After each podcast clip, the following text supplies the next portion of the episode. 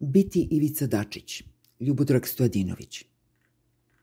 Gledao sam po ko zna koji put kratku istoriju putovanja srpske vlade od Beograda ka Nišu. Usred autobusa koji se kreće u nadrealnom svetu i vremenu, razdrljen i oznojen Ivica Dačić drži u šaci mikrofon veliki kao toljaga. Okolo njega saputnici iz vlade, ali i muzička banda sa žičanim i duvačkim spravama. Ozbiljan put i važni putnici sa istančanim muzičkim ukusom sede ozareni svojim važnim postojanjem i istom takvom misijom. Autobus u kome je sva izvršna vlast pretvoren je u jeftini jureći bircuz, a ministar koji tamo peva izvlači iz svog tenorčića skoro kastratske visine. Ne može nam niko ništa, jači smo od sudbine. Morao bi Dačić da bude nešto drugo od onoga koji mu je udelio kontrolisanu dozu moći. Ali on to naravno ne može, mada izgleda kao da želi. Ono što mu je uskraćeno u ozbiljnoj varijanti jezive srpske javne vlasti, on pokušava da ostvari kao ugledna zamlata u putujućem cirkusu, čineći čitav taj kabare još užasnijim.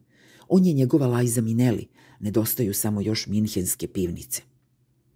Zbog čega je onda Ivica Dačić postao tako neizbežan, upreko smuljevitoj biografiji koja ga je onoliko puta vukla ka dnu? Mnogi misle da mu se politička inteligencija ne može osporiti, ali šta je uopšte to? Sposobnost preživljavanja u kaljuzi ili ponižavajuća mimikrija pred Slobom, Tadićem i Vučićem. Za njega je bila važnija sklonost odricanja od Mesije nego priklanjanje novom. I Miloševića i Tadića je skoro bez emocija napustio posthumno, prvog posle fizičke, a drugog posle političke smrti. I tu je za njega sve logično. Posle dobrog raskida zdravo je naći novi hram za molitvu, otići u krčmu, popiti nešto i zapevati turbo, makar to bio taj jedan dan života. Ne traje se večno, osim ako nije u pitanju Dačić. Danas je on prvi zabavljač Vučićeve pozorišne trupe, mada se predsednik nikada ne smeje. Nema duha, a inače mu nikada ništa nije smešno. Uveren je da mu smisao za humor nije potreban, suvišno svojstvo u ozbiljnim vremenima za čoveka koji emituje mrak. Sirovi i patetični cinizam je sasvim dobra platforma za njegove ekspresije o poimanju sveta. Svoj svet Dačić vidi iz pozicije teškom mukom zasluženog hedonizma. Zašta se inače borio? Zašto je bio student generacije na FPNU? Zašto je godinama nosio slobinu frizuru na svojoj tikvi? Zašto se mešao sa najvažnijima, ali i sa najgorima? Uvek je u isto vreme bio i na vrhu i na dnu, jer sve je to ovde na istom mestu. Njegova konstitucija mekušca, oslobođenog od fiskulture, plod je uživanja, mada ipak drži do svog fizičkog habitusa. Nekoliko puta istrpeo naporne i neprijatne kure za skidanje sala. Nije vredilo. Sada je konačno zadovoljan izgledom oblapornog rimskog patricija, kome je možda dato da govori šta mu se prohte, ali ga mrzi da se kreće. Da bi opstao tamo gde želi da bude, morao je da postane otežala Vučićeva lutka u koncu – i njegov glas iz trbuha. Znači li to da Ivica Dačić, predlažući razgraničenje sa Albancima, iznosi u stvari neostvarivu Vučićevu marginalnu varijantu? Naravno da znači, mada je ID, kao nosilac teškog krsta, to prihvatio kao svoje i opere se svima koji sumnjaju u racionalnost te ideje utopije.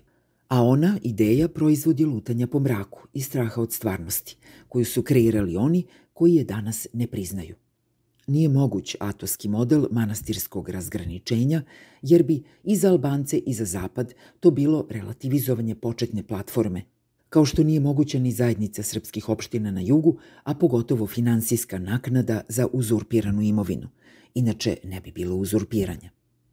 Moguć je još rat koji Srbija ne može da dobije i ta Dačićeva antiteza je sofistički pristup političkoj nemoći vladajuće oligarhije – Naravno da je rat uvek moguć, ali izlaz iz njega nije. Gubitak Kosova je upravo proizvod rata u kome je Dačić bio port parol počivšeg vođe i civilnog komandanta poražene strane.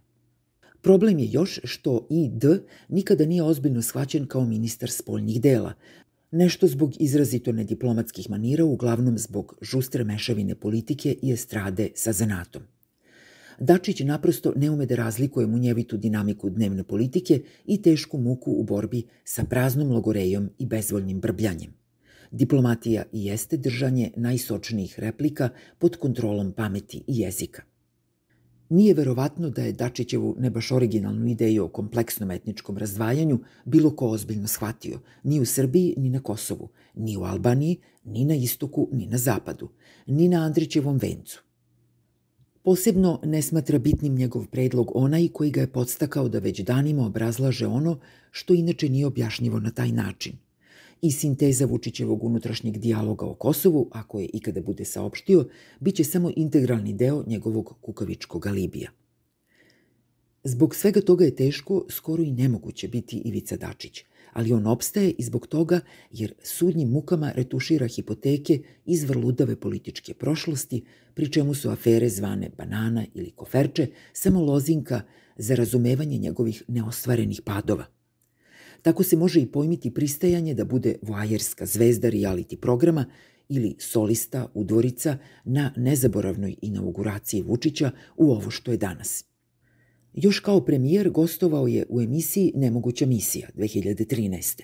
Uveren da će govoriti o nasušnim poslovima izvršne vlasti. Preko puta njega je sedela voditeljka bez donjeg veša i tek je tada, zureći očarano u delikatno mesto, Dačić shvatio uzvišenu suštinu svog zanata. To bi bilo to, u šta drugo čovek da gleda.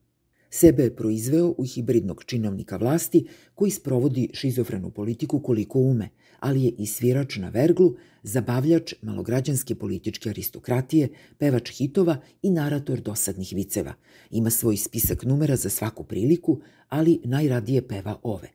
Čoban tera ovčice, kad zamirišu jorgovani, oj oraje oraje, ustaj mala zoraje i naravno mirecku.